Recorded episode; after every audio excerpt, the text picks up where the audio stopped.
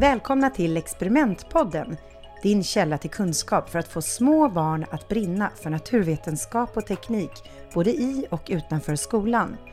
Podden är producerad av Binosi och jag heter Carolina Kjellberg. I dagens avsnitt träffar jag Per Friberg som är verksamhetsutvecklare på Håll Sverige Rent. Han har lång erfarenhet som både grundskollärare och pedagog och har länge brunnit för hållbarhet. I dagens avsnitt kommer Per dels att prata om skräpplockardagarna, dels om utbildningsprogrammet Grön flagg. Hej Per och välkommen till Experimentpodden! Tack snälla! Kul att du är här och ska berätta om Håll Sverige Rent.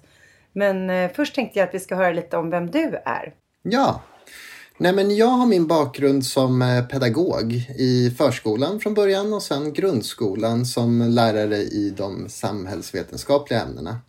Men jag har också en examen i de naturvetenskapliga eh, och jag har också jobbat som socialpedagog i flera år.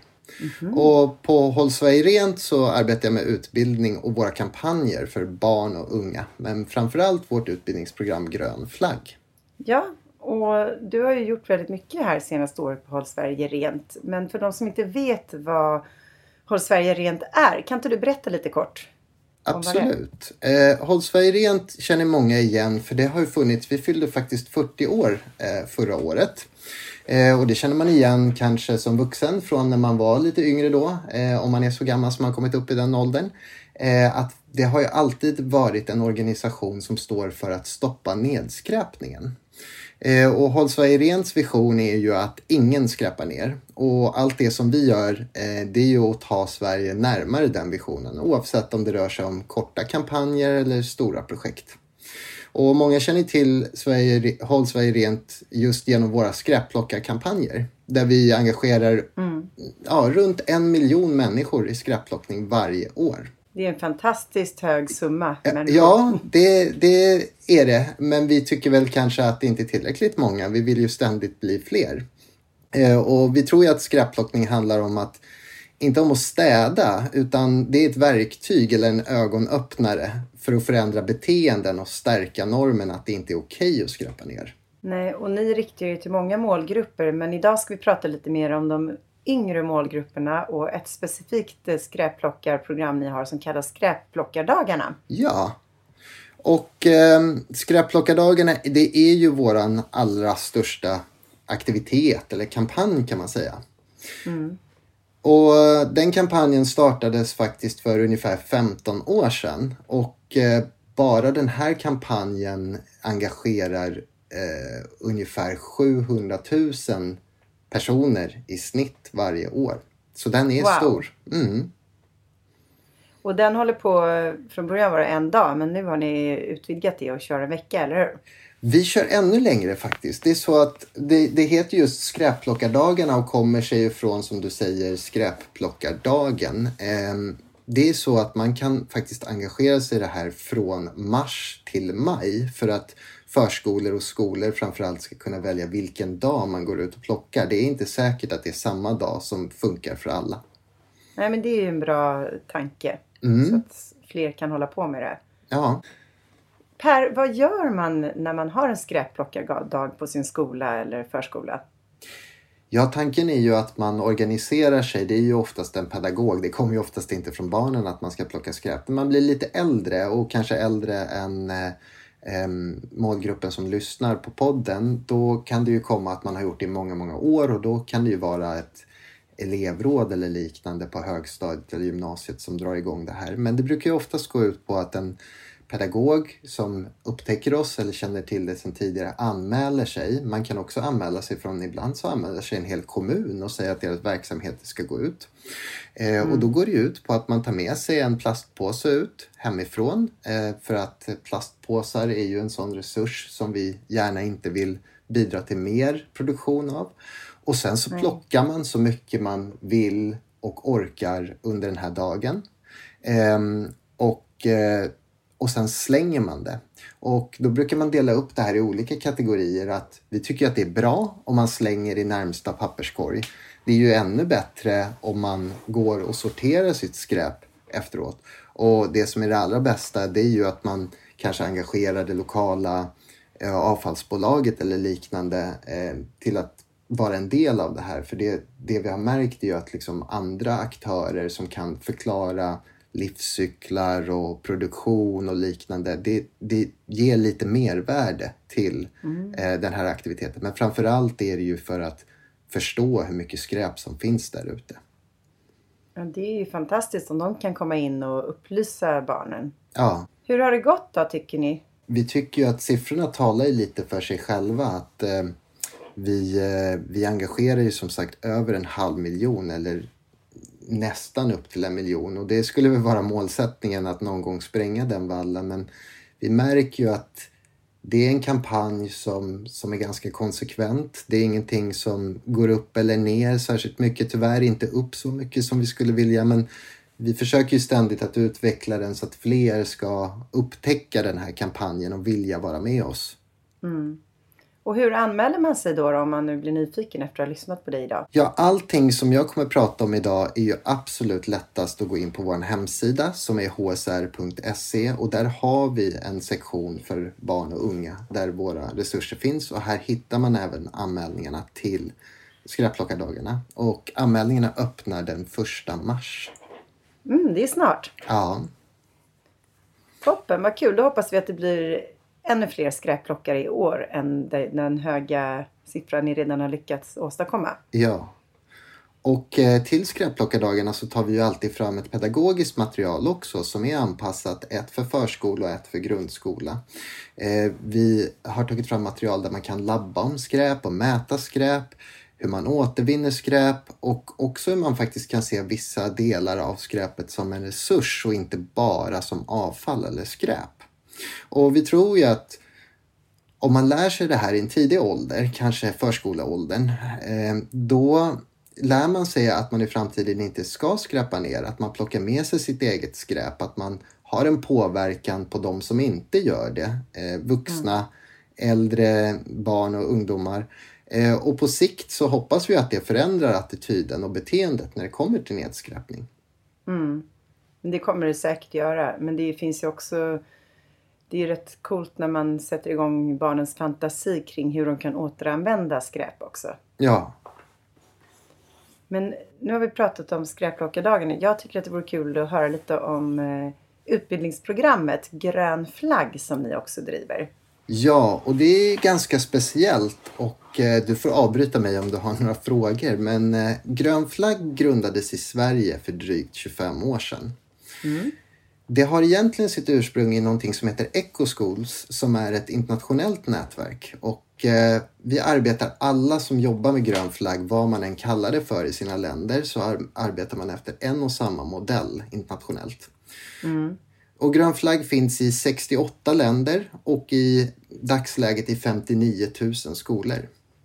Wow, det är också mycket. Ja, och vi har en ganska stor andel i Sverige även om vi även här förstås vill växa. Men eh, i korthet så är det så att programmet går ut på att i sex steg nå en certifiering på sin verksamhet vare sig det är förskola, skola eller gymnasium. Mm. Och vi har ungefär 1250 verksamheter som ingår i programmet idag. Mm, det är många på svensk nivå. Ja, och, och trots det så eh, innebär det ungefär 6 till 8 procent av det totala antalet skolor. Men om man ska se det internationellt och, och, mot de andra länderna som har det här programmet så ligger vi väldigt bra till. Mm. Mm. Och vad gör Grön flagg? Jag vet att du berättar lite grann, men kan du gå in mer i detalj kanske? Absolut. Grön flagg är ju utvecklat då för att man ska kunna jobba och här går vi ifrån lite grann vad Håll Sverige Rens eh, grundvision om nedskräpning är. För här pratar vi om hållbarhet och alla aspekter av hållbarhet. Så vi pratar om mm. ekologisk hållbarhet, vi pratar om ekonomisk hållbarhet och vi pratar om social hållbarhet. Gärna att man kan baka tillsammans alla tre. Mm. Och på ett läsår så går man igenom sex steg som det här programmet går ut på. Eh, och vi finns ju här till hjälp hela vägen för att det ska vara lätt. Och man har ett webbaserat verktyg där man sköter all dokumentation i. Mm. Och i korthet så går det ut på att man sätter ett hållbarhetsråd eller ett grön flaggråd på sin verksamhet där man gör en kartläggning av vad vill vi jobba med inom hållbarhet? I skolan blir det ofta väldigt integrerat med undervisningen och på mm. förskolan så är det mer aktivitetsbaserat. Sen så skriver man en plan på de utvecklingsområden man har sett. Det kan vara matsvinn, det kan vara biologisk mångfald, det kan vara nedskräpning också för den delen. Det kan vara orättvisa eftersom det just ska gå över alla gränser av hållbarhet. Mm.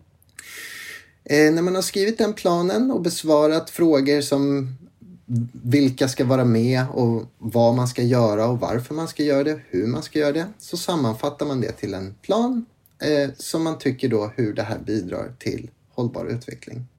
Mm. Och det blir mycket mer intressant när man eh, anpassar det till sin egen verksamhet. Ja, för det går inte att generalisera de här frågorna utan det blir ju väldigt eh, individuellt anpassat. Det som också är spännande med Grön flaggrådet är att man ska ha lika stor representation av pedagoger som man har av barn eller elever. Och det är ju för att stärka det här med delaktigheten och demokratin. Att det inte blir en vuxen som bestämmer snittet hela tiden utan att man ska känna att man har en påverkan. Mm. Bra. Och sen läser vi alla planer som skickas in. Så om 1250 verksamheter skickar in en plan, då läser vi 1250 planer och så ger vi ett godkännande på att den här planen ser bra ut. Mm. Sen genomför verksamheterna sina planer och förhoppningsvis skriver en utvärdering som ju blir en spegel av planen, att man visar vad gjorde vi egentligen? Det kan ju vara så att det finns anledning till att folk har ändrat på planen. De hade ett tänk från början men gick någon annanstans. Det blev tvärvetenskapligt, att eh, det blev både biologi och geografi och liknande. Då skriver man in allt det i sin utvärdering och så läser vi även alla utvärderingar. Och i eran eh, service där med att ni hjälper till att titta igenom planerna, är den till för att också se om folk har missförstått uppdraget lite? Eller vad, vad är syftet egentligen? Ja, och det låter väldigt kravfyllt men det är det inte. Det är mest för att se att om någon har missat att skriva en plan eller om vi kan komma med någon infallsvinkel att eh, då skulle ni kunna tänka så här också eller koppla på det här ämnet eller den här aktiviteten. Då, mm. då kan vi kommentera det i vårt verktyg till våra användare. Men det är ju en fantastisk eh, service så att man inte går in på fel spår. Att man får hjälp redan i början innan man sätter igång projektet. Och det är tanken så att man inte har kommit halvvägs fram och så och så blir det inget bra. Men eh, det finns inget krav på att man måste certifiera sin verksamhet men många vill certifiera sin verksamhet. Man kan också vara med i Grön flagg och ta del av allt stödmaterial, alla de resurser vi har, webbinarier, en liten eh, kort utbildning om lärande för hållbar utveckling som är, är utvecklat tillsammans med skolforskare mm. och sådana saker för att just komma igång som en liten katalysator. Och det är också helt okej. Okay. Men vill man nå certifieringen måste man gå igenom alla steg. Mm. Och kostnaden för att vara med i Grön flagg, den är ju inte enorm. Men vad är den? Nej, den är, den är egentligen väldigt liten och eftersom vi är en stiftelse och inte en kommersiell organisation så handlar ju det om att upprätthålla administrationen och framförallt det här faktiskt väldigt dyra verktyget som vi har för att kunna göra all den här servicen och få in filmer och webbinarier och liknande bakom ett och samma ställe.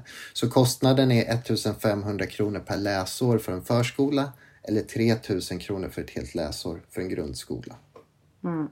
Och det är bra och då kan ju alla inom skolan använda det fritt. Ja, precis alla. Och man kopplar på hur många användare man vill inom mm. skolan. Det låter ju jättebra. Mm. Verkligen något man borde testa. Ja. Men hur har, hur har det gått? Hur har feedbacken bland era kunder varit? Feedbacken har varit att de som går med och förstår konceptet stannar ofta kvar. Vi försöker ju också, det har jag inte ens nämnt, men vi utvecklar ju även vad vi kallar för hållbarhetsresor. Så att har man svårt att komma igång så har vi liksom lite förskrivna eller tv-kockade versioner. Mm. Det skulle kunna vara så att man vill jobba med plast i havet eller man vill jobba med biologisk mångfald eller man vill jobba med social rättvisa och liknande. Och då mm. eh, har vi redan kopplat det här till läroplanen, både för förskola och för grundskola. Och sen så har vi också förslag på aktiviteter man kan göra och andra resurser i de här resorna. Så att det är inte bara information eller kunskap och fakta från Håll Sverige Rent utan även från andra organisationer eh, mm. som vi självklart faktagranskar och godkänner. Men det skulle kunna vara så att det är kopplingar till Världsnaturfonden eller till Naturskyddsföreningen och liknande. Och så försöker vi också koppla till vi kopplar alltid till de globala målen och vi skriver alltid in exempel på hur man kan titta på hur det här bidrar till hållbar utveckling liksom i ett färdigt format. Men jobbet måste man göra själv så det är inte, det är inte copy-paste utan det, det är liksom man måste förstå vad den, vad den egna individuella verksamheten kan göra men det här kan vara ett steg att liksom börja. För vi märker när vi är ute och pratar att många tycker att det är jätteviktigt att prata om hållbar utveckling men de vet inte riktigt hur de ska komma igång och alla läromedel behandlar inte det här eh, särskilt djupodlande. Och då tänker vi att vi ska kunna, det är ju också därför vi svarar på mejl och finns i bakgrunden hela tiden för att kunna besvara de här frågorna. Ja, för hållbar utveckling är ju ett eh, fint ord men verkligen något som alla borde arbeta med men ofta kanske inte går in så mycket på eh, djupet om vad det innebär att arbeta med hållbar utveckling. Nej. Och det verkar ni göra och det är ju toppen. Ja. Och det är också något som, som Skolinspektionen och Skolverket börjar trycka mer på och som också är väldigt mycket mer synligt i de nya läroplanerna framförallt för grundskolan. Eh, de olika aspekterna av hållbar utveckling. Att man måste jobba med dem i skolan. Och då tycker mm. vi ju att grön flagg ska aldrig kännas som någonting som man gör ovanpå utan det gör man parallellt. Eh, våra duktiga mm. pedagoger i skolan idag de, de arbetar redan eh, med hållbar utveckling. Det finns i så många ämnen. Det, det finns i alla kursplaner utom tre. Mm. Och eh, skulle de bara dokumentera det här skulle de nog inse att vi jobbar redan mycket så här, men vi vill ju också hjälpa till med det här som kan vara komplicerat i skolan eller i förskolan, att jobba lite tvärvetenskapligt. Mm. Det är jättebra. Mm. Det är ju fantastiskt. Men ni har ju väldigt mycket resurser. Du har redan nämnt lite om dem. Om någon skulle vilja komma åt dem eh, är det bara att gå in på er hemsida då igen och hitta resurserna. Man går in på vår hemsida och där kan man då hitta mer information om grön flagg för sig. Mm. Man kan hitta mer information om skräpplockardagarna. Man kan även komma åt vår stora gratisresurs som vi kallar för Skräplabbet. Och mm. här finns det ju filmer, det finns kunskap, det finns Skräpipedia istället för Wikipedia för att förklara vissa av de här sakerna. Eh, för mm. de lite yngre barnen skulle jag säga för att eh, ju äldre man blir så får man nog den informationen i alla fall. Det är mm. uppdelat så att lärare kan gå in och titta på färdiga lektionsupplägg. Mm. Eh, så vi, vi försöker samla på oss men sen så är ju Håll Sverige Rent framförallt en, en kunskapsorganisation så vi besitter mycket kunskap som kanske inte direkt är kopplad in i utbildning. Nej. Utan mer att man kan också ta reda på nedskräpning i hav, nedskräpning i natur och nedskräpning i stad som är sina separata mm. områden här på organisationen. Allt det finns på vår hemsida på hsr.se. Mm, vad bra, då får det bara dyka in och botanisera bland allting. Ja, vilket vi hoppas att folk gärna gör. Ja, det är klart de kommer göra. Ja. Tack snälla för att du har varit med och berättat så utförligt om vad ni gör. Tack snälla. Tack för att du har lyssnat på Experimentpodden. En Be Nosy-produktion med mig, Carolina Kjellberg. I nästa avsnitt kommer jag att träffa Henrik Ahlström från Baltasar Science Center i Skövde. Han kommer att prata mer om deras skolprogram om rymden. Vill du få detaljer kring experiment så gå in på bnosy.com, alltså B-N-O-S-Y, och prenumerera på vårt nyhetsbrev eller vår Youtube-kanal Kids. Vi hörs snart igen.